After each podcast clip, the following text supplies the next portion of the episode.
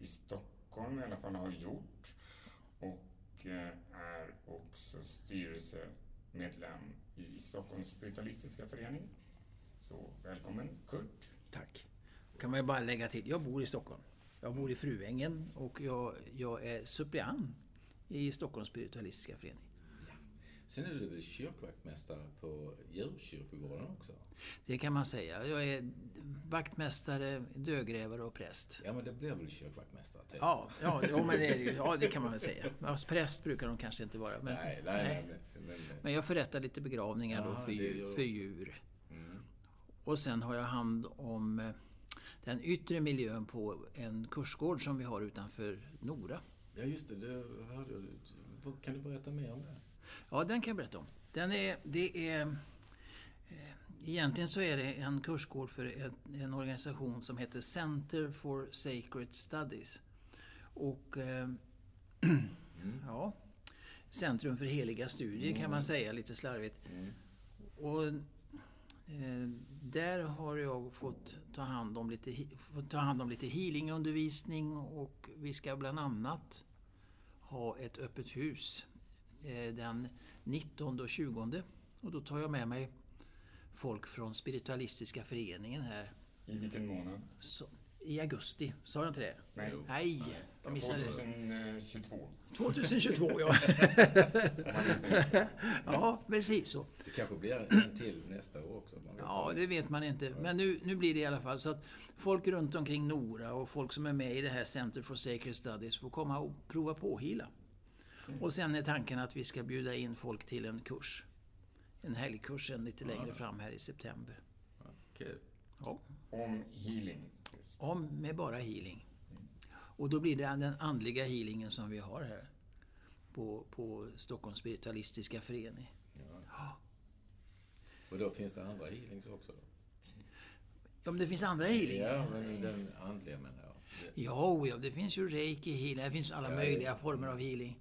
Ehm, den andliga healingen tycker jag, föredrar jag för jag tycker den, det är en renare form, en rakare form. Det kräver inte massa symbolik. Det, man, man sätter sig, man tar kontakt och så ger man healing. Mm. Och det bara sköljer över en sen. I början får man sitta och meditera länge, länge innan man kan ge healing. Mm. Men när man har hållit på ett tag så, så kommer det här bara... Man brukar säga Eh, en kompis, Kristoffer, han brukar alltid säga man, ställer, man bara kliver in och så är man i ljuset. Mm. Och det är ju så egentligen. Ja. Jag, jag har också gjort healing, så jag vet ju hur det känns. Liksom. Ja. Mm. Men precis. Eh, för de som inte kan så mycket om healing så är det den här frågan. För att vem är det som ger healing? Det är ju då vi som personer som lägger händerna ja. på en person. Ja. Men det är ändå inte vi som ger healingen. Nej, och det här är väldigt viktigt. Men att, eh, utan att vi ställer oss i ett kraftcentra och vad den kraften består utav det, är ju, kan man ju, det bestämmer ju egentligen var och en som ger healing och var och en som tar emot healingen sen. Men det man kan säga är att här, den här kraften den förmedlas genom den som ger healing. Och eh, hur ska jag säga? Den... Eh, ju, jo, ju mer avslappnad jag är, ju effektivare blir healingen. Och ju mer avslappnad den personen är som tar emot healingen, ju effektivare blir den. Så att det, så man är väl, var någon som sa att man är ett rör för healing, mm. när man ger healing. Och, och, det fina med den här healingen, det är ju att att även, den, även en hel del av den här healingkraften den putsar ju över på mig också. Så att jag mår ju också mycket bättre efter att ha, fått heal, efter att ha gett healing. Så att eh, den tillför energi till alla runt omkring. Precis, på grund av att den här... Alltså, jag kan ju känna när jag ger healing att, att det är en kraft som strömmar genom mig. Ja. Och, så att på någonstans så spiller det över lite till mig också. Precis så. Och inte så lite brukar det göra heller. Exakt. Så är det. Och en gång, jag fick healing och det var ganska många år sedan och då var det någon som verkligen ville ge mig, verkligen ville hela mig. Ja. Och eh, han hade den intentionen. Och eh, han, han jobbade så hårt och bara ansträngde sig och det var nästan som en muskelstyrka fast med någon slags kraft. Och efter ett tag fick jag säga till honom, nej du måste sluta, jag fick så ont i kroppen. Ja. Och då, han skulle då försöka ge av sin energi, egen energi på något sätt. Mm. Och vara den stora healen och göra mig frisk då. Man kan ju heala utav egen energi. Men det blir, för det första blir det inte lika kraftfull healing. eh, Om man gör det utav sin egen. Och sen blir man ju otroligt trött. Eh, och, utan, för att det är ju det som är, om man tar den här andliga healingen som går genom kroppen. Den ger precis så mycket som du behöver. Och den, den går precis dit den ska. Eh, så att eh, så därför så, så är det mycket bättre med, med att ge den andliga och inte försöka experimentera med att ge av sig själv eller så, för det, det funkar inte riktigt. Men, men kan alla ta emot då? Ja, alltså alla kan ta emot, men, Men det, om de- om de men det, är ju en, då? det är ju en teknik. Nej, vill du inte så, så får du ingen. Nej, precis. Säger inte Så är det, alltså. ja, ja, ja. Visst är det sådär motsträvigt att det inte Ja, funkar. nej. Eller, om då så Ja. sitter de inte... Då får du, får du inget till. Du måste liksom ta, Mm. kunna ta emot också. Ja, det viktiga är att man kan slappna av. Ja, av. och- och- för, då, då, för då, då, då är det även många... Man kan vara skeptisk, men bara man kan slappna av så händer det saker och ting. Det är många skep, skeptiska människor som har eh, fått en aha-upplevelse efter att de har fått healing. Men sitter man och spänner sig och säger att det här funkar inte, det kommer inte gå någonting, det Nej, kommer då- inte ge mig. Då är det klart, då får man ingen healing. Nej, precis. Så man måste, man, måste, man måste vilja ta emot också. Ja, och det känns jättetydligt när man, tycker jag, när man ger en person healing som inte vill. Det studsar liksom. Jag måste berätta en rolig grej. Vi, vi var healade här på Stockholms Spiritualistiska så satt Helene och tittade på oss. Så, så healade jag en kvinna där och jag grimaserade och den där kvinnan, så Helene hade så roligt för gjorde jag en grimas så gjorde kvinnan likadan Wow. grimas. Ja. Så hela mitt mainspel speglades i hennes ansikte. Wow. Och Helene tyckte det var så, hon var helt fascinerad. Det var rätt roligt faktiskt. Jag såg inte Ja. det själv, men hon såg Ja, hon såg ju det tydligt. Ja. Ja. Så det gjorde han mig, det gjorde kvinnan mig Ja, också. Så det, det blir ju någon känsla av återspeglingar och... Det kan bli så, det kan bli så. Men det behöver inte Nej, bli det så. inte bli så. Men, Nej. men hon hade roligt åt det. För att Ja. hon skrattade så kom, vad är det du skrattar till? "Men Ditt mainspel gick igenom i hon, kvinnan som du heilade. Ja, ja. Men sen är det ju ibland också för att det handlar ju så, healingen bestämmer ju vilken väg genom min kropp den Mm. går. Så att, så att eh, går, den, går den i mina övre chakran, Mm. då, det är då man kan, kanske kan se och, äh, saker och ting som, som... Man kanske kan se anhöriga till den man ger healing eller egna anhöriga Mm. eller sådär. Som bara kommer upp då. Eh, går, det gen, går det genom mittenchakran, Mm. då får jag massa information om den personen jag ger healing. Mm. Som är helt fantastiska. Och går det längre ner, då brukar det ge trygghet. Bara lugn och trygghet. Så att det är ju jättemycket saker som bestämmer och som ska stämma när man ger healing. Mm, jo, absolut. Så Men det här med positioner och sådär. Jag har aldrig varit bra på positioner och, och det är ju för att jag kanske inte kan sträcka mig till alla olika utan jag håller ofta en hand eller sådär. Men det känns ju, jag menar de flesta säger, Åh, jobbade du på mitt knä? Höll du handen på mitt knä? Eller? ja. Och då har jag bara hållit i deras hand hela tiden eller en eh, hand på eh, överarmen eller någonting. Men det är ju precis det här som, som vi sa. Healingen går dit den ska. Och det spelar egentligen... Jag är, tillhör ju de som gärna flyttar mina händer när jag, när jag ger sån här handfast healing på människor. Men, men eh, det behöver man inte göra. Utan det är bara på något sätt att jag får en intention att lägga handen på axeln och så lägger jag handen på axeln. Men det skulle fungera precis lika bra som du säger om jag höll personen i handen eller om jag höll, höll jag tror till och med om jag höll personen i foten skulle det funka lika bra. Mm. För healingen går dit den ska.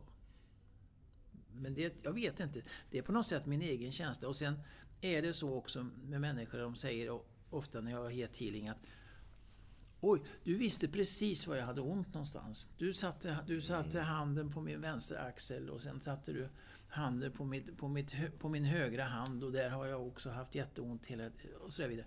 Så att för dem betyder det kanske mycket vad jag sätter i händerna. Mer kanske än, än, än för någon annan. För det behövs ju egentligen inte. Men det är härligt då när man ja, inte försöker göra det man tror utan bara följer med det som Ja. händer. Ja. Ja, men Det är precis. då det blir så. Ja. Det är så kul när vi sitter och pratar så här för alla har ju, utav oss har ju gett healing. Och vi, vi har ju de här öppet huskvällarna på, på Spiritualistiska föreningen. Och vi försöker då ha det den första, må, första jämna veckan i varje månad på en måndag. Försöker vi ha healingen. Eh, och det hoppas jag att vi kan ha nu under hösten också. Hur, berätta hur en sån här kväll går till. Jo, men det är ganska enkelt. Vi, vi, har, vi har fem stolar, ungefär fyra, fem stolar längst fram. Och en fyra, fem healers bakom de här. Och sen så får folk komma fram och sätta sig. Och så får de healing och så går de och sätter sig igen och så kommer det upp nya som får healing. Tills vi har gått igenom allihopa. Dessförinnan då så berättar vi vad healing är för någonting. Och sen så hur det, hur det känns när man får healing och vad som kan hända för någonting. Och så, ja så kör vi. Och så har vi en liten meditation till Ave Maria. Just det. Före och efter. Det är alldeles riktigt. Mm. Ja. Men, men det som är, tycker jag fantastiskt med den där healingen, det är ju att folk som... Det som kommer ju ofta en fem, tio stycken som aldrig har fått healing förut. Och deras upplevelse tycker jag är lite häftig. För de kan säga Wow, hände det här? Vad var det som hände egentligen? Hur kunde jag bli så här? Eh, och, sådär. Och- och oftast upplevs att de är väldigt avslappnade. Eller, eller att det var starkt så det har kommit ut mycket känslor. De kanske har gråtit eller skrattat. Eller, eh, så. eller bara blivit allmänt berörda på något, sätt- på något sätt. Och det, det är rätt häftigt. Det är, Jag minns ju en som grät konstant. ja, Ja, men liksom, det var- nästan Ja. jobbigt. Ja. det, var någon som släppte och sådär, men Ja. jag bara grät hela tiden. Ja. Liksom, och efteråt, det liksom bara... Det var Ja. totalt. Men så kan det bli. Ja, visst. Det, det, det, Och det, det viktiga då när, när det händer, det är att, man, att, att den här personen inte försöker hålla tillbaka det här. Nej. För att det här måste gå ut och det här måste gå igenom. Det är samma sak, om, jag har aldrig varit med om det, men om någon skulle skratta sig igenom en hel healing-session, det skulle kanske också kännas lite jobbigt kanske, men, men samtidigt är det väldigt viktigt att de får göra det. Mm. Jo, absolut. Men, men sen tycker jag också när man står fyra, fem stycken, då, får man ju, det blir ju större energi när man är fler, tycker jag. Ja, det är det. Det, är det. Det, så det är ju det som är häftigt. Så gör man en ensam healing till exempel. Men står man då fyra, fem stycken, då känner man ju någon kraftfull healing. Absolut. Och det är på helt För när jag, ger ensk- när jag ger enskild healing, då kan jag prata samtidigt med klienten. Det kan jag ju inte göra när vi är många, för Nej, då just skulle det. störa alla andra. Men när jag pratar samtidigt, då blir också min röst en del i healingen. Mm. Och det kan handla om att, att jag känner kanske, här känner jag väldiga energier, här känner jag en väldigt stark känsla, här har jag, kan uppleva eh, att du har ett skal runt omkring dig. Mm, ja, Att du har, som, som få människor kommer igenom. Alltså, då kommer ju den informationen till en. Och då berättar, man det, jag- berättar jag den informationen. Och personen kan svara Mm. under healingen. Sitter vi här inne allihopa, eh, då måste ju folk vara tysta. Jo, jo. Och då, dessutom har vi ju sagt att vi, när vi på de här måndagskvällarna då ställer vi inga diagnoser. Vi gör inga, eller diagnoser, det, diagnoser ställer vi aldrig. Men, Nej. men, då, men då, då, då talar vi inte om vad vi har upplevt och sådär. Nej, Eh, Så det, det är klart det är skillnad. absolut. Så det blir som en healing therapy. Det blir liksom en healing terapi. Det blir en... Det är lite... Ja, jag, vill inte, jag vill inte kalla det för terapi. Därför, därför Nej. att det handlar ju också om att, att eh, om jag ger dig healing så, så handlar det mer om ett erfarenhetsutbyte. Jag berättar om, om vad jag känner och vad jag upplever och jag kan dra egna paralleller från mitt liv och du kan tala om, du kan svara på det här. Och så svara, och så att det betyder att du och jag lär känna varandra väldigt bra. Och det gör man ju inte, man lär aldrig känna sin terapeut. Så därför kan man aldrig kalla det för en terapi. Men det är en, det är en ganska häftig form att med hjälp av varandras upplevelser av livet och healing kunna, kunna komma fram till slutsatser. Men det är lite mediumistiskt, alltså det är lite, det är, det är lite medial då när du är ensam. Alltså. Ja, Mm, kan man väl säga. Ibland. Ja, ibland, ibland, är det. men alltså, jag, jag känner ju själv att ibland skulle man vilja säga något. Va? Men det gör man inte här. Nej. Men det är inte ofta för mig, men ändå. Ja, jag förstår det. Så, men samtidigt så här med... Ja, men det, det, egentligen så gör man ju det här för att folk ska må bra. Ja. Ja, men, liksom, men det är ju samma sak som att man ger en komplimang. Det är också healing. Ja. Att hjälpa någon är också healing. Mm. Att man stödjer någon är också healing. Alltså healing är ju, alla använder ju healing mer eller mindre. Alla kan ge healing också. Oh ja, oh ja. Och Så alla det- ger healing alla utan, utan, utan att veta om det. Precis, utan att veta om det. Ja. Ja. Eh, och healing påminner ju ganska, till en viss del, så, till, vad kan man säga, till, till en viss, det påminner till en viss, om, om en viss form utav bön. Mm. Och healing är väldigt lika. När man tar, om, man, om, om en predikant eller så tar kraften ovanifrån och för över kraften till, en, till, till, till sin församling som han ber för eller till personen han ber för. Då har det en healing-effekt. Ja. ja, men det är ju bara samma sak som ett litet barn kommer springande gråtande. Man tar upp dem och kramar om dem och försöker Ja. blåsa och prata. Det är också healing. Ja, absolut. Ja, visst. Ja. men, liksom, men, men så, så, så, fler, så egentligen borde, vi har ju utvecklat healingen inom spiritualistiska föreningar också. Det är flera som gör. Alltså att man, man jobbar lite längre med det. Jo, man kan ju ge healing på så många sätt. Man kan ge healing på avstånd. Ja, precis. Jag kan koncentrera mig så kan jag skicka healing till min moster i Amerika. Eh, För att jag, jag, jag, jag vet att hon behöver det just nu. Ehm, och jag kan också, jag kan också ge mig själv healing. Och jag kan... Jag kan om, om man hör till exempel ambulanssirener och så, så kan man ju skicka healing till personalen som jobbar på ambulansen, till den skadade eh, och så. Däremot kan man aldrig vad ska man säga, man kan inte ändra eh, processer. För att är det meningen att en process ska vara på ett visst sätt, då kan man aldrig ändra det. Utan det man, be, det, man, det man ber för när man då ger healing, det är ju att processen ska gå så bra som möjligt. Mm. Och det är skillnaden. Det är skillnad, ja. Ja, vi kan inte bota folk. Nej, nej. Men, alltså, Det- men, men, man kan ju... Alltså, det, blir ju att bara må bättre. Ja. Jag ser liksom, om man ser någon åker ambulans så kanske han känner en lättnad att han får... Men han har inte blivit av med sin sjukdom, han har inte blivit av med sitt... Utan han bara får en lättnad. Jag, jag har ju en teori. Jag har ju en teori Mm. om att, att, att eh, eh, livet, att, att livet det går ut på att man ska underlätta för andra människor. Mm. Och att ge healing är verkligen ett sätt att underlätta för andra människor. Det är att göra livet lite enklare. Mm. I alla fall några stunder framåt. Ja. Så jag tror att det är viktigt att man med healingen på det sättet. Och sen får folk också uppleva saker och ting som de kanske aldrig skulle få göra annat än genom healing. Mm. För att få healing, är en, första gången jag, jag fick healing, det var ju en fantastisk upplevelse. Och ännu större upplevelse var andra och tredje gången. Så att det, det är liksom, ja men för att första, första gången då sitter man ju och funderar på undrar vad som ska hända nu och sådär. Liksom, man är inte hundra avslappnad. Sen blir man det. Mm. Men berätta lite, vad, vad upplevde du? Nej, första gången? Ja, men det var ju, det var ju den här fantastiska känslan av hur allt, allting bara slappnade av i kroppen.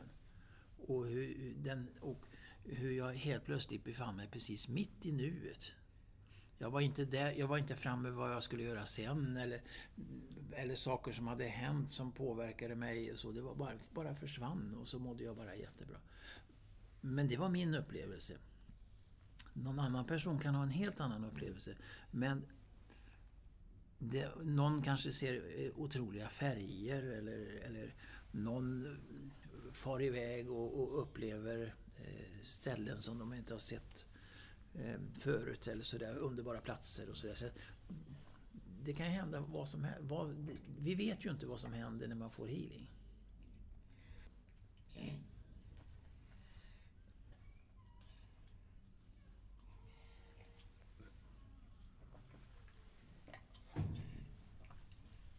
Ja, men precis.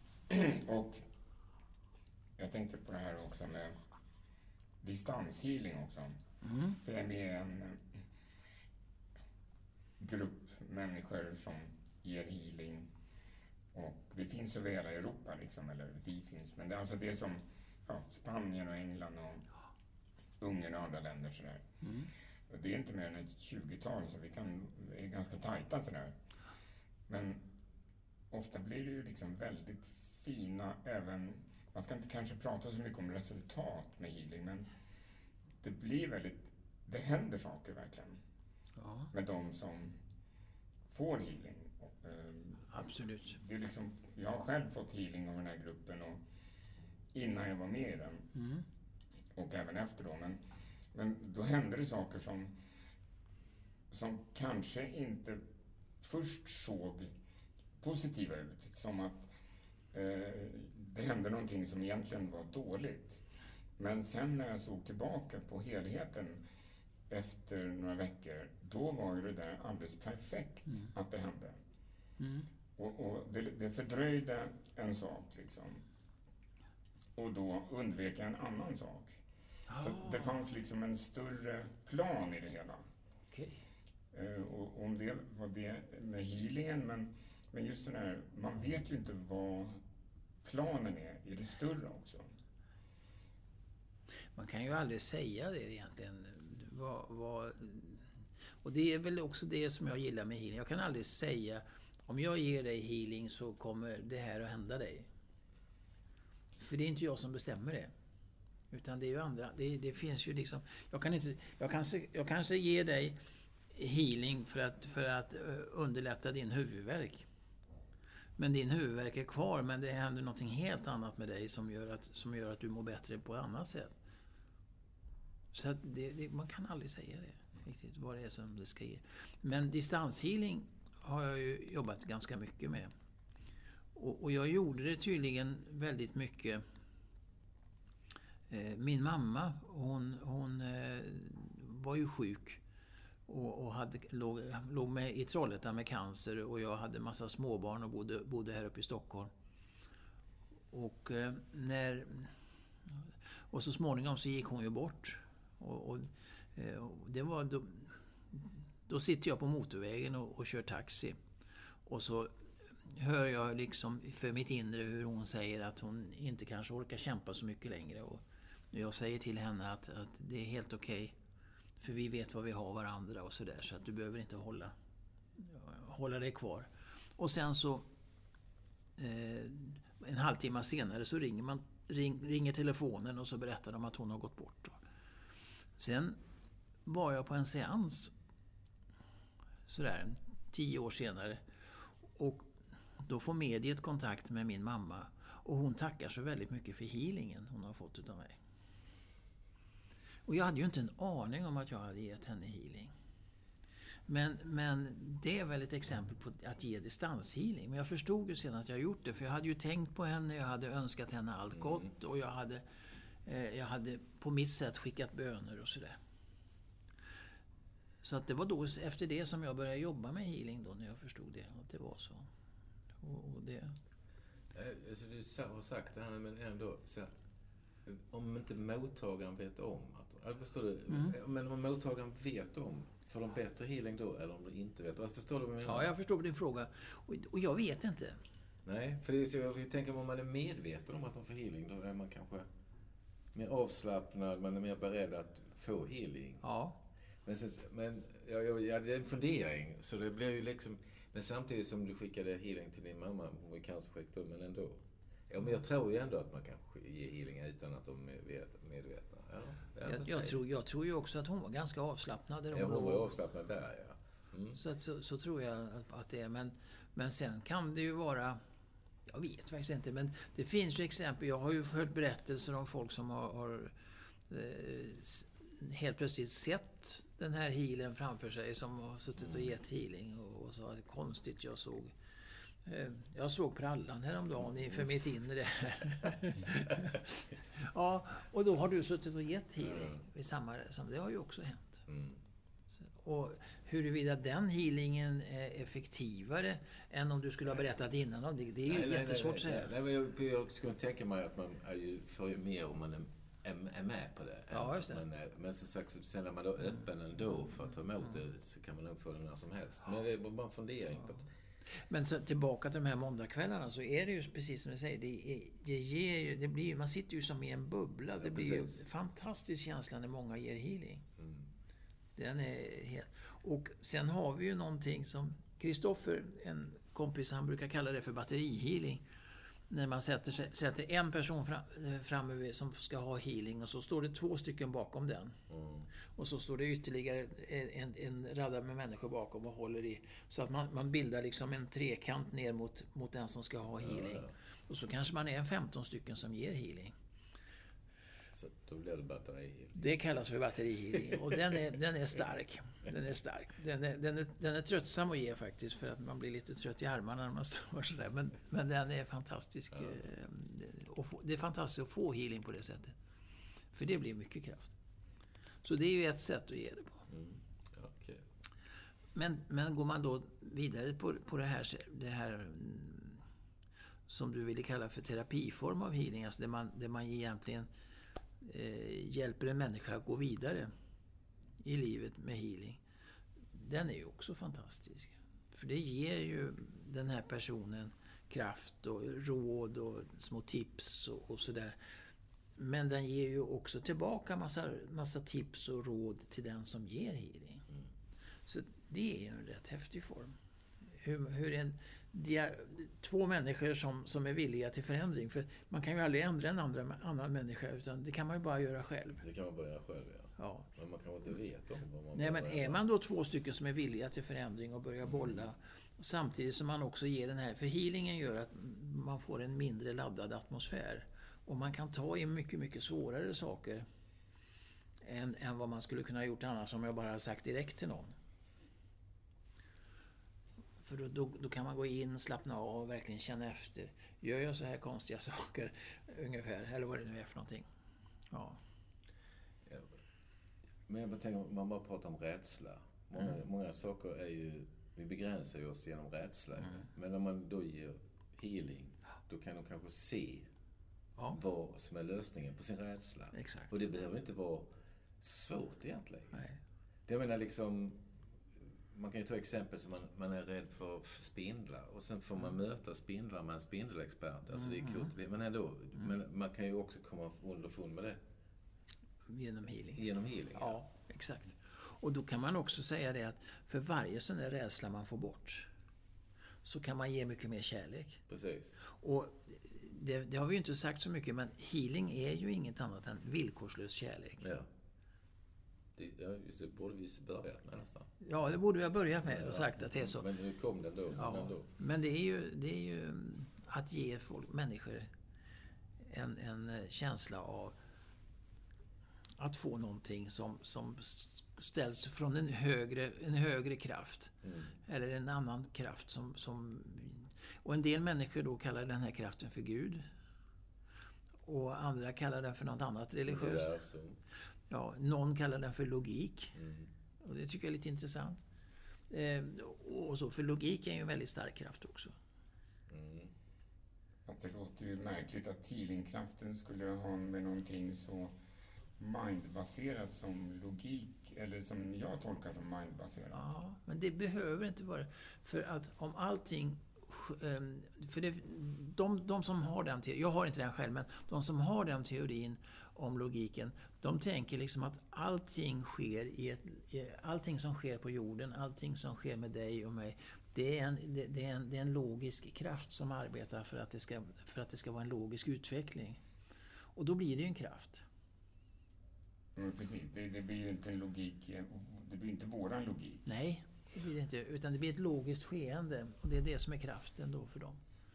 Men det är väl också den utvecklingen då som, som spiritualismen pratar i sina sju principer. Då. Att, att den här utvecklingen som man har, att den är ju logisk, att vi utvecklas. Ja, det kan man väl också säga.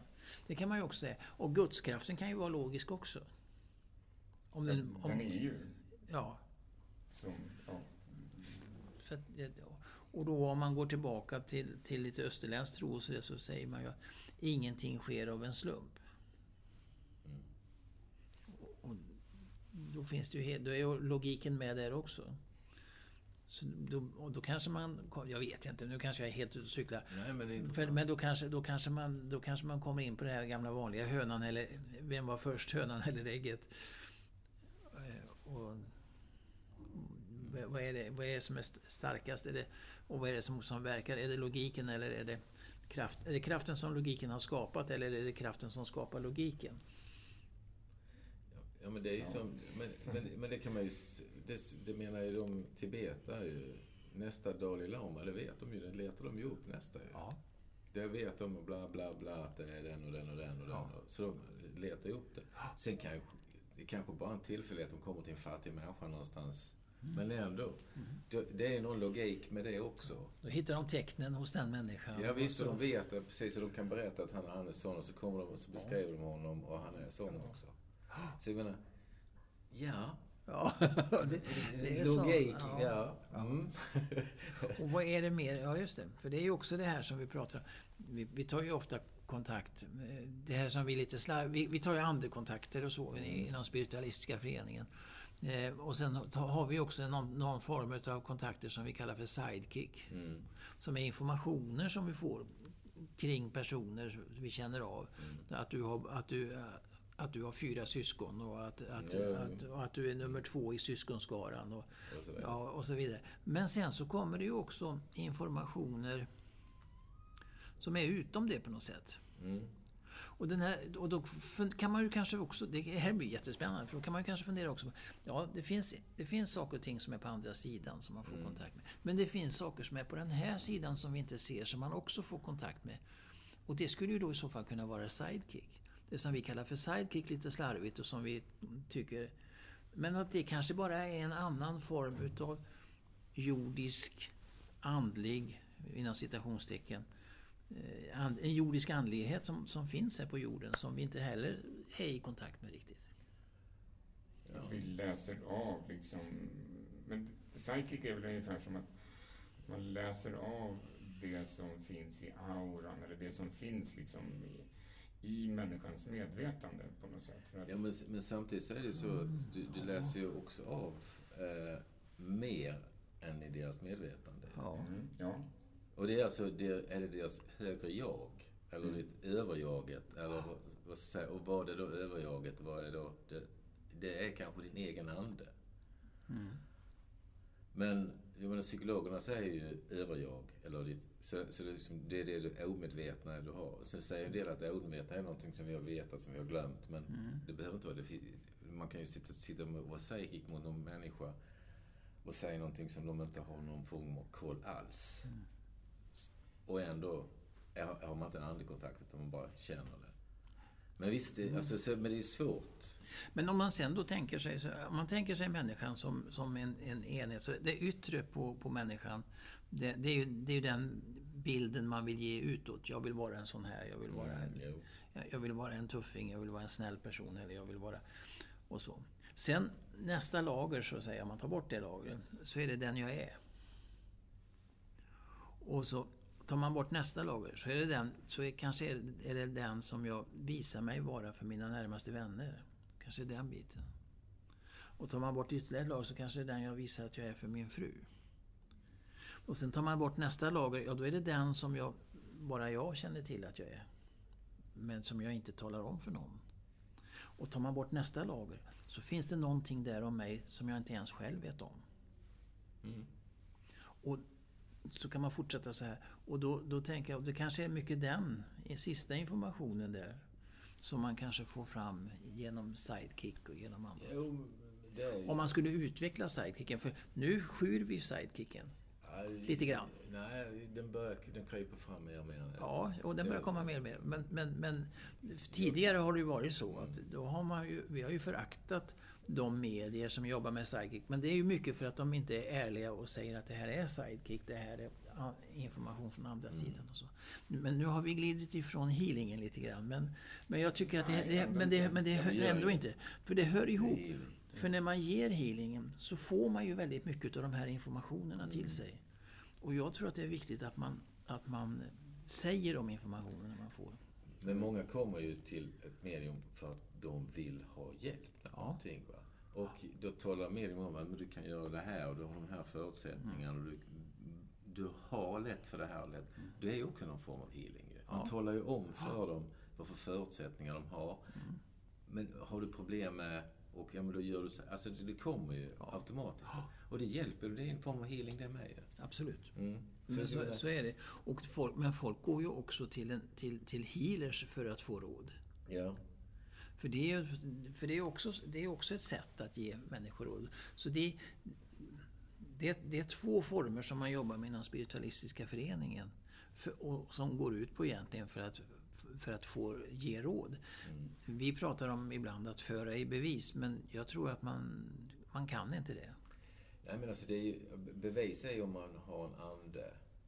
Då ska man ju bevis, då ska man ju hitta någonting som bara de här två känner till. Va? Ja, just det. Och, det, och som man inte det kan man nog läsa psychic också, men samtidigt så är det så att... Ja, men, nu har jag ett exempel här. Eh, Jag sitter, det är tre engelska medium när vi var där borta på Holländargatan. Och eh, så är det en som säger så, ja, de hade en kvinna där och hon bad om förlåtelse. Hon hade tagit några saker, bla bla bla. Så jag tänkte, jag känner ju absolut inte igen det här. Nej, det är alltså halledussingen. Jag fattar ingenting. Så sitter jag på pendeltåget hem och så bara, Fan, det var den där jävla faster, ja. Ja, ja, ja. men, ja, men samtidigt, så hon bad ju om förlåtelse. Och det, alltså, jag behöver inte ta upp vad det var, men alltså det är ändå, så hon bad om förlåtelse. Då Mm. förstod jag ju det. Och då kände jag ju... Min mamma hade dött och allting. Det var hon som egentligen behövde förlåtelse. Men samtidigt så fick jag den, va. Och det, och, så det var ju ändå starkt. Det var ju också Mm. healing. Men samtidigt så, man vet ibland inte... Det, det är så långt bort som man vet. Och det var ju sånt där Mm. tydlig grej. Menar du att förlåtet är en healing? Ja, förlåtelse är ju också en healing. Ja, absolut. Ja. Men, men, men samtidigt så här, ingen visste ju om det här. Nej. Eh, De visste ju inte någonting om min faster. Jag kunde ju knappt komma ihåg det. Jag fick ju leta i mitt register vad mamma hade sagt om de saker hon hade tagit från morsan. Eller, ja, Ja. det var en lång story. Men alltså det, det hade försvunnit grejer. Så det, och, det var de, och då visste jag vilka grejer det var. Och det visste de också. Mm. Hur fan skulle de kunna veta det? Ursäkta språket, men Ja, ja. Jo, men så kan det ju vara. Mm. Och så, så tänker jag också att det är... För att jag har ju många gånger gett healing till människor som... Ja, de har provat det mesta. De har gått terapi, de har gjort alla möjliga saker. Och så får de healing och så upplev, får de en helt annan upplevelse. För healingen kan bekräfta saker och ting på ett sätt som man inte, inte annat kan också. Kan säga det är okej att du får raseriutbrott ibland. Mm. För det är någonting, en fas som du måste gå igenom kanske. Eller det är okej att, att det och det händer. Eller det är okej att du har gjort den här hemska saken men du är ledsen. Ja men det är okej. Eh, just den att du är ledsen för det, som hon är där till exempel, är, gör ju att, att hon är förlåten. Mm. För det är ju genom att förlåta som man blir förlåten. Det är, Det är ju nästan självklart, men det, det, är, lite, det är för svårt för många att förlåta faktiskt. Ja. Men så är det. Men eh, det är nog lätt, men det är inte alltid lätt kanske. Jag, jag gav healing till en kvinna som berättade att hon hade upplevt fruktansvärda saker i, i sitt hemland. Och hon berättade att efter den healingen hon hade fått så kunde hon börja förlåta. Mm. Hon kunde förlåta nära släktingar, hon kunde förlåta folk som hade gjort de här hemska sakerna.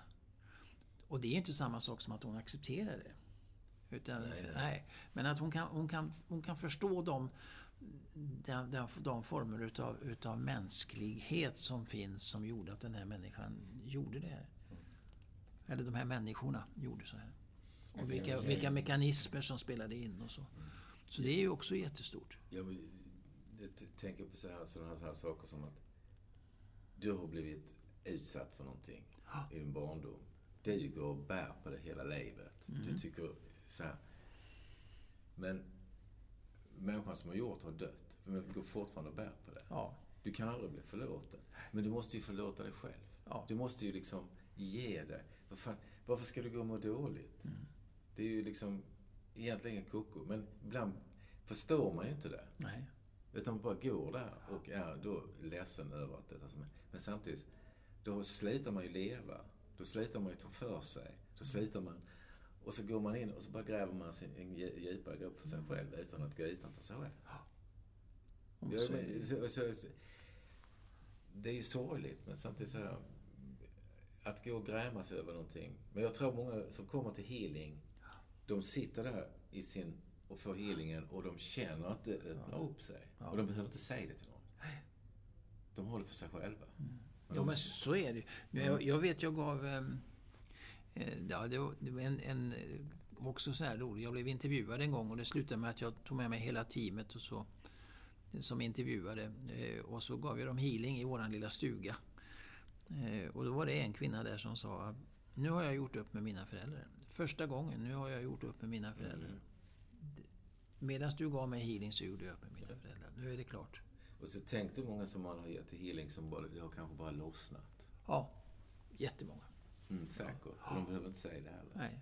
Och vi brukar prata om att man känner av healingen en viss tid efteråt. Men det kan ju också vara så, att, precis som du säger, att någonting har lossnat. Mm. Och då, då är det ju healingen man känner av resten av livet egentligen. Mm. Precis. Men, det, men så brukar man inte säga. Utan det, vad man me- menar oftast då med att man känner av healingen, det är ju att ja, jag kände mig väldigt avslappnad och skön hela dagen, i, i, hela dagen efter och sådär. Mm. Eller för första gången så sov jag ordentligt i natt eller eh, sådana här saker. Men sen nu skulle man ju behöva healing igen då så jag sover ordentligt nästa natt också. Ja, det kanske blir en drog. Man måste gå till healing en gång i veckan. Man Ja, och vi, sova. och vi får lösa av och ge den här människan healing. Ja, men då är det något annat. Ja, nej, men då är det andra saker som behövs. Så att det... Ja. Ja, men Jag tänkte det, vi pratade med Eva Mandelqvist här för några gånger sedan. Och hon har ju skrivit en bok om mediumskap i vardagen. I vardagen, ja, just. Och, eh, men healing i vardagen är intressant. ja. Vi pratade ju lite om det förut. Eh, för att ofta kan man ju inte ge healing kanske i många situationer som jag känner de som jobbar inom sjukvården. I Sverige är det ju inte okej att ge healing liksom öppet sådär. Men eh, som de flesta sjuksköterskor eh, som lägger en hand på patienten och när de pratar och Nej, men att, man, att man har den kontakten och, och om den dessutom är medveten då att man ger healing. Jag vill inte säga några namn just nu men det är någon närstående till mig i alla fall. Som, Men, men det tror jag många, många sjuksköterskor har, ger ju healing. precis. ja, och även, även massörer och, Ja. och, och andra som, som Absolut. eh, till och med terapeuter tror jag som kan ge healing. Frisörer tror jag också till och med. Frisör. Alltså det, det tror jag. Ja, men tänk, tänk, dig, Ja. tänk vet, när någon är nära dig och håller Ja. på med dig, då öppnar sig människan oftast och Ja. börjar berätta saker. Och det är, man, man är lättpratad. Jag Fast, tror- det, fast det, har, det tror jag har mer att göra med, med alltså att om man, om man träffar någon för första gången då håller man gärna typ två meters Jo, avstånd. visst. Men när man träffar en frisör så, eller en taxichaufför eller någon annan så är de helt plötsligt väldigt, väldigt nära en fysiskt. Mm. Och, och då inbillar, då kan, är man då lite trött så kan ens, och ens undermedvetna tar över lite grann. Då tror, de tror man att man är mycket mer bekant med den här människan än vad man är. Och då börjar man berätta saker och ting. Så det, det tror jag är ett annat fenomen. Ja, fast det, men, det är många frisörer som har blivit medium ju. Ja då. Oh ja. så det, men, det kan, Mm. men, men ja, jag tror ändå det blir, man öppnar sig, man kommer närmare varandra. Ja, det tror jag. Alltså, Närhet är ju bra överhuvudtaget. Närhet. Det är bra överhuvudtaget. Mm. Så att det, så är det. Men jag tänkte också det här som genom tal, och oavsett om man håller i någon, men att, att bryta en, en som en, eh, inte våld, men alltså att, men non-violent communication tänker jag på till exempel. Mm. Eh, för jag jobbar i självmordslinjen Ja, och eh, då kan det ju vara ganska mycket, eller ibland kan det vara ganska mycket ilska som någon kommer med. ja, Men då att bryta det med en non-violent communication-tänk ja. är ju också healing och, och liksom också vänder tillbaka det här. Det är lite så här aikido, att man använder den andras kraft för att avväpna den på något sätt. Mm. Men på ett vänligt sätt liksom. Absolut. Det tror jag. Jo, men det är så, så tror jag det fungerar. Eh, och jag tror också... Jag menar, jag använder ju mig utav, utav den här att sätta mig i kraften till exempel när jag ska, när jag ska möta människor. Jag har kanske någon människa som jag ska möta som är väldigt besvärlig. Jag vet att det blir ofta konflikter när vi möts eller det blir ofta, ofta bråk eller sådär. Eh, då brukar jag sätta mig och, och meditera en stund över den här människan. Och sen går jag... Och, och det är en slags, slags healing, meditation. Och sen går jag in och så tar jag mötet med den här människan och då fungerar det alltid bra. Mm. Precis. Så det är ju, och det är också ett sätt att kunna göra det på. Jag, och, du sa någonting som, som är intressant och det är ju det här du sätter dig i kraften. Mm. Och det måste du förklara för det är ju någonting som man kan slänga sig med lite Eh, slarvigt och de flesta kanske inte vet vad det är. Alltså när jag ger healing då upplever jag att jag har en pelare. En ljuspelare eller en kraftpelare som, går precis, eh, som kommer uppifrån och som går rätt igenom mig. Och den fortsätter sen genom mina... Lägger jag händerna på så fortsätter den genom mina händer och genom den personen som, som eh, jag ger healing till. Så det är den det är den kraften jag pratar om. Och det är den kraften vi pratade om i början, som en del kallar gudskraft. Eh, och andra kallar logik. Eller någon, och någon kallar för någon annan gudskraft, så att säga. Det beror på den, det man har. Och sen så brukar vi då krydda den kraften ibland lite grann med att några pratar om att de, de har healingguider. Och det är då någon, någon form av andliga varelser som, som hjälper dem med healingen och så. Själv så brukar jag inte krångla till det utan jag brukar, jag, jag brukar jobba med morsan. Mm. Ja, så då säger jag, hör morsan nu måste du hjälpa till. det, här går, det, här går, det här går för segt. Ehm, och då får jag den hjälpen av henne som jag behöver och så jobbar jag vidare med healingen. Så, så, ja. ja. Men, men det är liksom, whatever works. Whatever works, ja. Men vem, kan vem som helst sätta sig i kraften? Ja, vem som men, helst. Men uh, om de är lite otåliga, vad ska de göra? Och så, om de, om är, de är lite otåliga och ja, men då, då, Nej, men då är det ju så. Mm. Ja. Så jag, jag, därför jag, ibland brukar jag dela upp healingen på två omgångar. Mm. Så jag ger först healing. Först så pratar vi en stund om vad det handlar om och sådär. Mm. Sen ger jag healing. Eh, och, sen så, och sen så avslutar vi ganska snart. Och så, för då har de fått känslan att det här var healing. Mm. Det här är ingenting att spänna sig för. Det här är ingenting att vara orolig för. Och, och, så kan, och då säger jag, vill du att vi fortsätter med healingen? Och då gör vi det. Och då är de mycket, mycket mer avslappnade. Och då funkar det mycket bättre. Ja, men många kör ju med det här att sitta i kraften. Och det är, liksom, det, är det som är svåra för många. att veta Ja. hur fasen sätter jag mig i kraften? Mm. Men, men det är ju egentligen meditation utan att tänka. Ja. Mm. Och så kommer ju kraften av sig själv. Jo, och det, det, jo men precis. Och det, det ska jag bara säga också. Jag är ganska övertygad om, och jag är rätt övertygad om det, att healing kommer att vara den nästa grej som man kommer att erbjuda eh, till företag och så. För, för sådär en 20-30 år sedan, då kom mindfulness. Som är något superflummigt egentligen. Från, och som alla bara värjde sig från i början. Och sen så helt plötsligt så blev det mindfulness överallt. Ja, det öppnade ju upp väldigt mycket. Det Ja, var ju som en buddhistisk meditation som man liksom ville kapitalisera på. Man hade kunnat gå på ett buddhistcenter i hundratals år och lära sig deras meditation, men helt plötsligt vill man tjäna pengar på det. ja, Och då kallar man det mindfulness. yes. Men, men det har ju ändå öppnat upp mycket Ja. för det här andlighet och Ja. healing och sånt. Så det har ju liksom, folk Ja, det har ju blivit mer öppet. Ja. För, för under 20 år så har det ju hänt väldigt mycket i den här världen som verkar nästan stå still innan ju. Nej, men jag, jag är övertygad om det. Det kommer... Jag sa till min chef att när vi, när vi pratade om finns det någonting vi kan erbjuda våra arbetskamrater. Ja, healing sa jag. Nej, nej, nej, nej, nej. Det går inte. Men, och säg tio år, så kan man det. Men vi pratade med Lena Lindström om det eh, i förra avsnittet och eh, då pratade vi om reiki. Ja, Att reiki har funnits länge Ja. och eh, det är ett namn liksom. Det är inte healing utan det är ju reiki. ja, Och eh, då kanske man kan erbjuda reiki helt enkelt. Mm. Att det är någonting som till och med Försäkringskassan kan köpa. ja. Det här- ja det tror jag. Ja. Men, men säger man healing då, blir det liksom, då börjar alla tänka på frikyrkor och, Mm. och eh, konstigheter. Men det här Mm.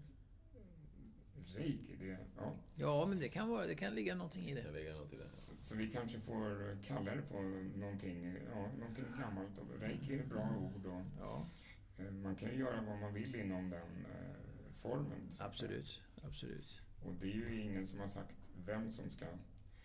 Eller det, man kan ju inte bestämma vem som ger den healingen så att säga, eller vem den kommer ifrån. Nej, det kan man inte. Och det, det tror jag är en fördel. Det är samma sak som man kan inte heller säga mindfulness, kan man inte säga var det kommer ifrån heller. Mer än att man slappnar av och att man, ja, ni vet hela den här mm. processen. Och, och, genom att inte använda, som, genom att inte tala om att sätta sig i kraften, vad det betyder, eller vad det är för något, att man behöver inte ens nämna att man sätter sig i kraften, ja då, blir det någon, då, då kan det fortfarande vara healing. Mm, ja, ja. Eh, om jag lite vänskapligt lägger handen på, på dig när du ska göra någonting, så ger jag dig healing. Men det har ju inte du en aning om att jag gör. Nej, och, och... Och, då, och då kommer vi in, ja precis, och då kommer vi in. Nu, nu lägger brallan handen på mig. Men man kan väl säga så här att, att det som är, det, jag tycker ändå då att en viss form av ärlighet måste finnas i det här. Mm. Så att man inte springer runt och, och hilar folk till höger och vänster utan att ha, utan att ha berättat det för människor att man, vad man håller på med. Problemet då, om man skulle göra det, det är väl att det handlar väldigt mycket om en själv, att det blir väldigt mycket ego i det hela.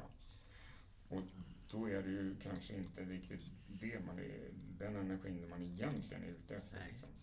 Ja, samtidigt som om du skickar healing och inte berättar det för någon, så har du all rätt i världen att göra det.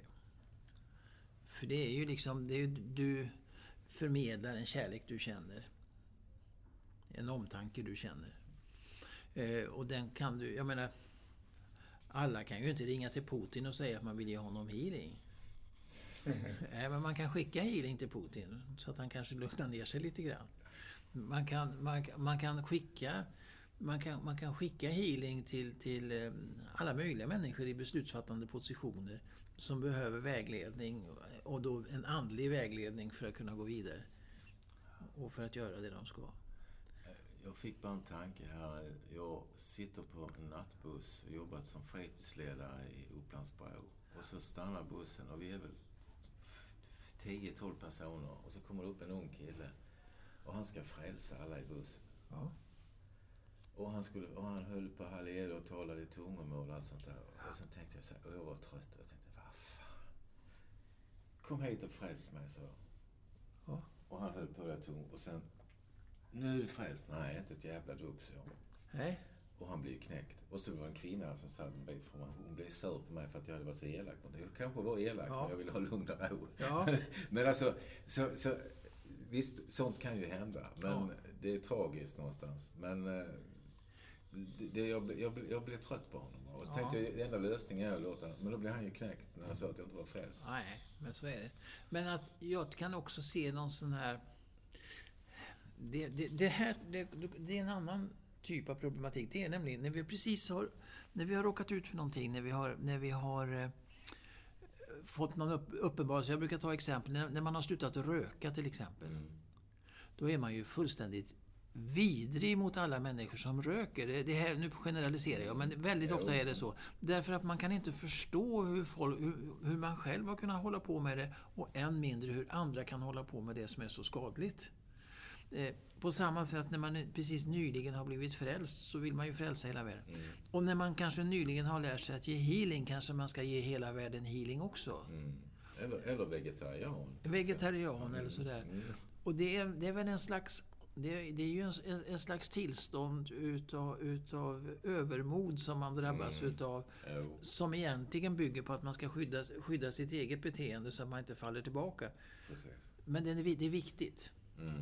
Eh, det är viktigt att man har det, men också, det är också väldigt, väldigt väl när man ser att folk har det. Att man kanske lite grann tufsar till dem och säger att skärp dig nu. Det här, ja, ja, ja, det här jag, jag och det gjorde mig, du väl? Ja, jag jag, det var väl jag ha lugn och ro ju. Så det var ja. det. Men eh, jag kände mig nog lite dum sen, men samtidigt. Det blev ju lugnt i bussen. Ja, ja. ja nästan alla som håller på med andlighet har väl varit nyfrälsta vid något tillfälle. Eh, eftersom när man har fått någon öppning och, och upptäckt nya saker. Det är ju fantastiskt. Och ja. undrar man ju, då vill man ju förändra de andra och, och, berätta om det här. Så att man är ju inte så... Man är ganska jobbig just då, när man tittar tillbaka på sig själv. Ja, man får väl passa sig så man inte blir missionär bara.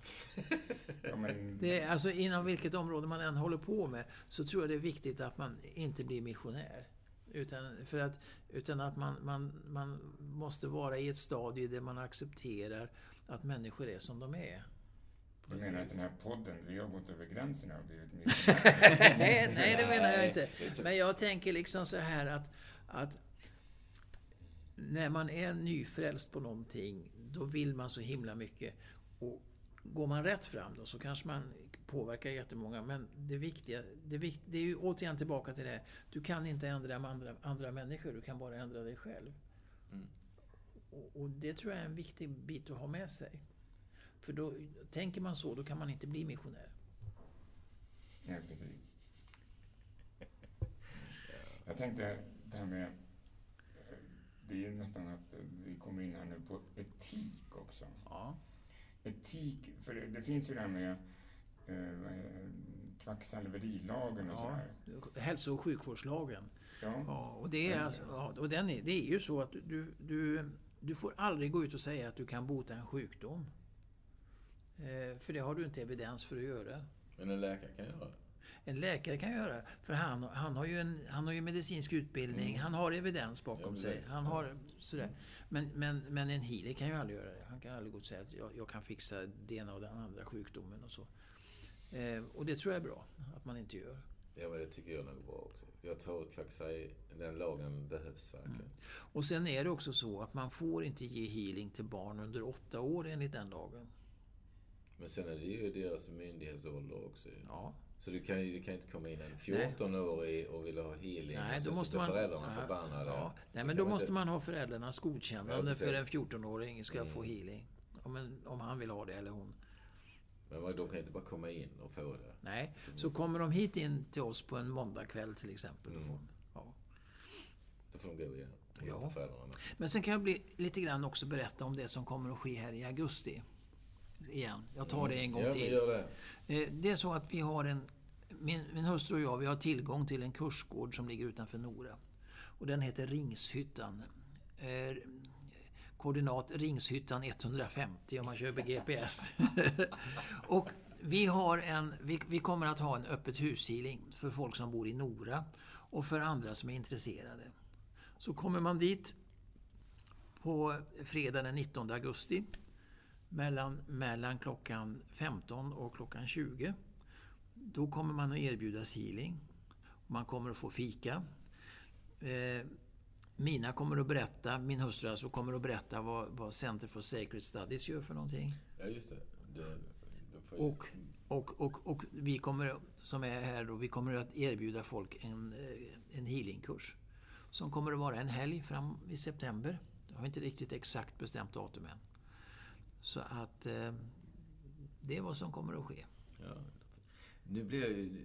Din fru, vad gör hon egentligen då? Ja, det kanske blir ett helt ett nytt avsnitt det här. det blir ett nytt avsnitt. Då ska du nog göra en podd med henne också tror jag. Ja, men jag säger, vad, vad hette...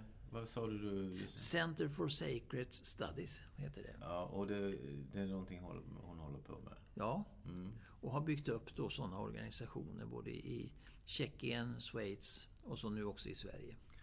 Och det kommer från USA från början, där hon har bott i 25 år. Ah, ja, okej. Ja, utan mig.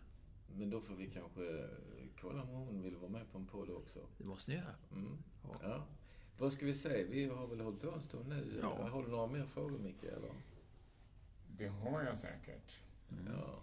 Ehm, Då får vi göra en podd till kanske. Nej, jag skojar. jo, men alltså healing är ju väldigt spännande. Ja, Eh, just eftersom både har ett mystiskt skimmer över sig men också är något så otroligt alldagligt som alla håller på med.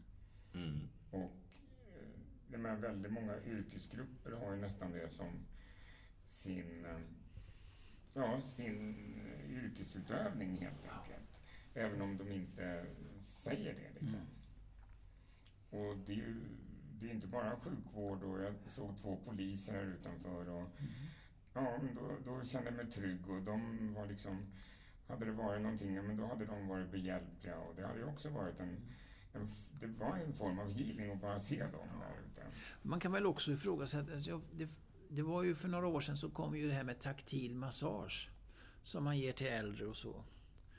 Och hur mycket massage och hur mycket healing som taktil massage är, det kan man ju också diskutera. Mm. Men jag har fått det en gång och, och då tänkte jag att det skulle vara massage. Ja. Men det var verkligen en dålig massage, Ja. tycker jag. ja. Men eh, om, om jag skulle tänkt på det som healing, Ja. Då hade det varit en helt annan sak. ja. För att den tanken hade jag inte, utan jag tänkte att jag skulle gå på massage. För en Det- kompis höll på med det här. Det, det handlar ju jättemycket om, tycker jag, om, om det här med beröring. Det är ju det det handlar om när man när det är taktil massage. Det är ju människor som kanske inte får beröring på, det, på ett vettigt sätt som då har en chans att få det. Men lägger man då in healing i den taktila massagen, då blir det starkt. Och Ja, då blir det precis. en upplevelse. Ja, men många, särskilt, eh, ja, det är väl många människor i hela samhället, och, men särskilt kanske äldre då. Men just att man inte har någon beröring, att det är liksom ett väldigt beröringsfritt samhälle. Det är ju, andra samhällen har ju kanske lite mer beröring, särskilt i Asien och i Afrika, men här är vi liksom väldigt eh, beröringsfientliga. Och Någon gång har jag legat på sjukhus och jag var på eh, en, under en längre period liksom. Och eh, den enda beröringen, det handlade ju om nålar och stick som man fick då. Och eh, sen var det ingen som höll igen. Så vi, vi var ett gäng som pratade ihop oss där och liksom gick upp, skrev ett öppet brev till ledningen att, att, vi behöver liksom massage. Vi behöver, alltså alla, och det var många, det var äldre människor där också och alla åldrar. Och just det här med att människor behöver, för att läka, behöver beröring helt enkelt. Mm. Och det är någonting som vi har totalt glömt i sjukvården. Ja, men absolut. Absolut. Så att, eh, och ofta ger man inte ens jättegod mat, som också är en annan, det är också healing.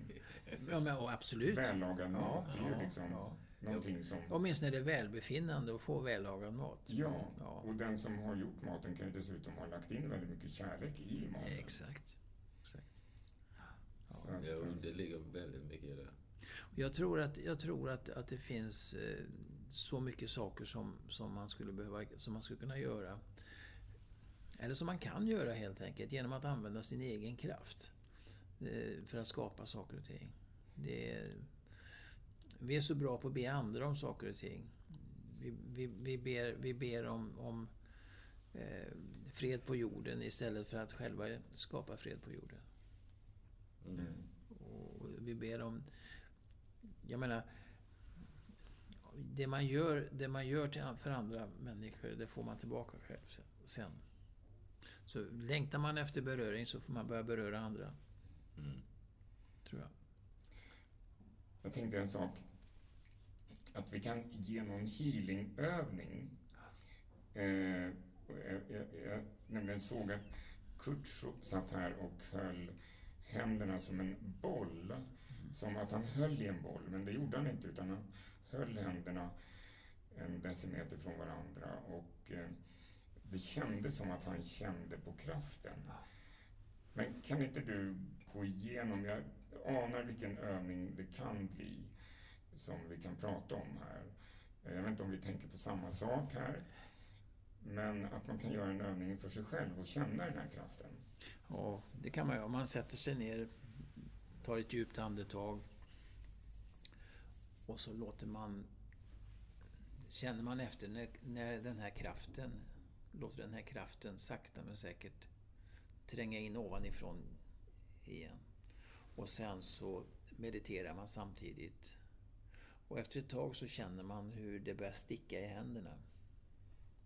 Och när, och det är egentligen så jag känner när jag ska ge healing, så känner jag att det sticker i händerna. Och det sticker olika mycket beroende på vem jag ska ge. Så att eh, ibland om det är en person som behöver mycket healing så kan det kännas som jag har en, mina händer är två handduschar. Eh, annars så känns det bara så att det sticker lite grann. Och när man, då, när man då håller händerna mot varandra Det är då man kan känna den här bollen. Och är det riktigt, riktigt starkt, vilket jag har varit med om vid ett par tillfällen, då känner jag hur den här bollen roterar emellan händerna. Men normalt sett så känns, känner man bara att det finns en kraft emellan. Nu håller jag händerna ungefär 2 decimeter, 3 decimeter ifrån varandra. Och nu känner jag, då känner jag, när jag rör händerna lite upp och ner så här, så känner jag ju då hur den här kraften eh, spelar mellan händerna.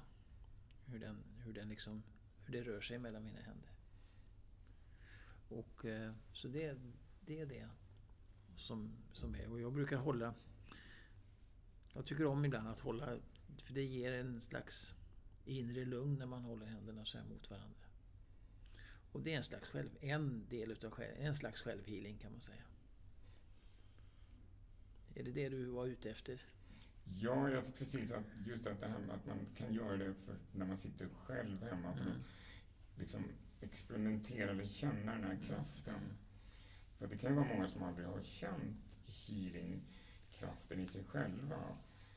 Men att, att man kan känna det här motståndet mellan sina händer, liksom att det, att det finns någonting där. Och lägger man då de här händerna så att man håller en liten bit ifrån, om man lägger upp båda händerna vid sidan av, av någons huvud så här, och så mot öronen till exempel, så kan man känna, då kan personen själv också känna den här kraften som ligger mellan händerna. Så det, det gör jag ibland när jag ger healing. Mm. Mm. När det är på, när det är meningen att det ska vara så.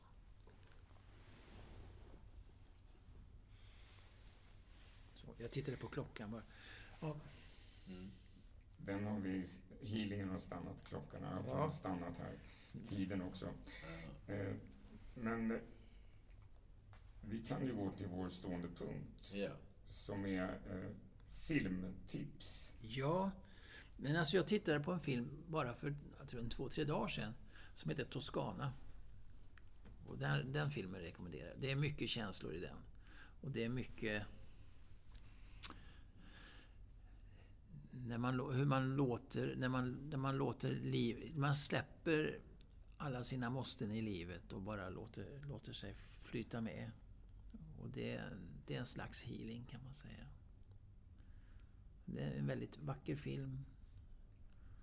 Och en film som, jag, som väcker tankar. Ju mer avslappnad man är när man ser filmen, ju mer tankar får man. Och var hittar man den? Var gick du på bio eller?